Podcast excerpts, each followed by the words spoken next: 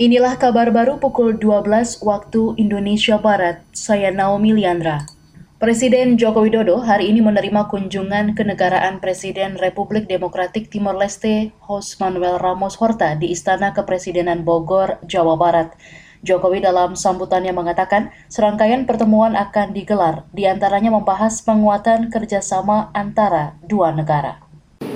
Uh, sekali lagi, selamat datang di Indonesia, Presiden Ramos Horta dan delegasi merupakan kehormatan bagi Indonesia menerima kunjungan luar negeri pertama Presiden Ramos Horta.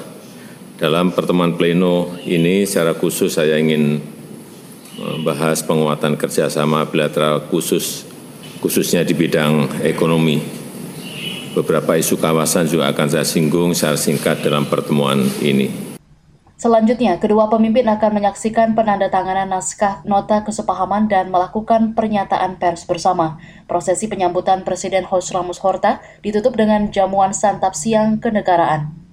Kunjungan Presiden Jose Ramos Horta ke Indonesia merupakan yang pertama sejak dilantik sebagai Presiden Republik Demokratik Timor Leste pada 20 Mei lalu atau bertepatan dengan Hari Kemerdekaan Timor Leste.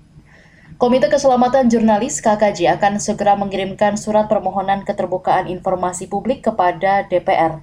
Melalui surat itu, KKJ meminta DPR membuka draft rancangan Kitab Undang-Undang Hukum Pidana RKUHP yang sudah diserahkan pemerintah.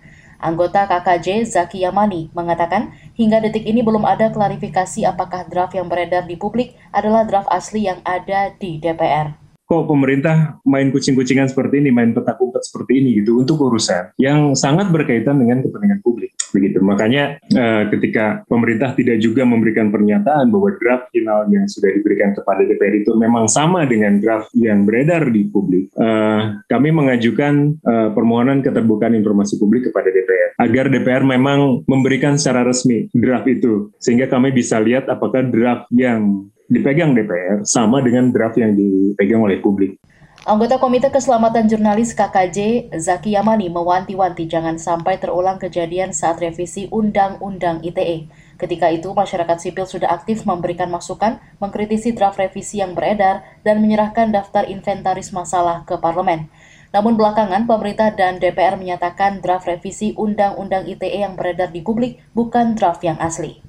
TNI Angkatan Udara terus menyelidiki jatuhnya pesawat latih jenis T-50I Golden Eagle TT-5009 yang jatuh di Desa Nginggil Blora, Jawa Tengah. Kecelakaan yang terjadi tadi malam itu menyebabkan pilot pesawat Alan Safitra Indra Wahyudi gugur. TNI Angkatan Udara dalam siaran persnya hari ini menyatakan sudah membentuk tim panitia penyelidikan kecelakaan pesawat udara. Sementara itu tim dari Lanut Iswahyudi Madiun Jawa Timur pagi tadi melakukan evakuasi dan pengamanan di lokasi kejadian. TNI Angkatan Udara mengucapkan terima kasih atas peran serta aparat kewilayahan dan masyarakat. Apabila masyarakat menemukan puing atau bagian pesawat latih itu diminta segera melaporkannya ke petugas.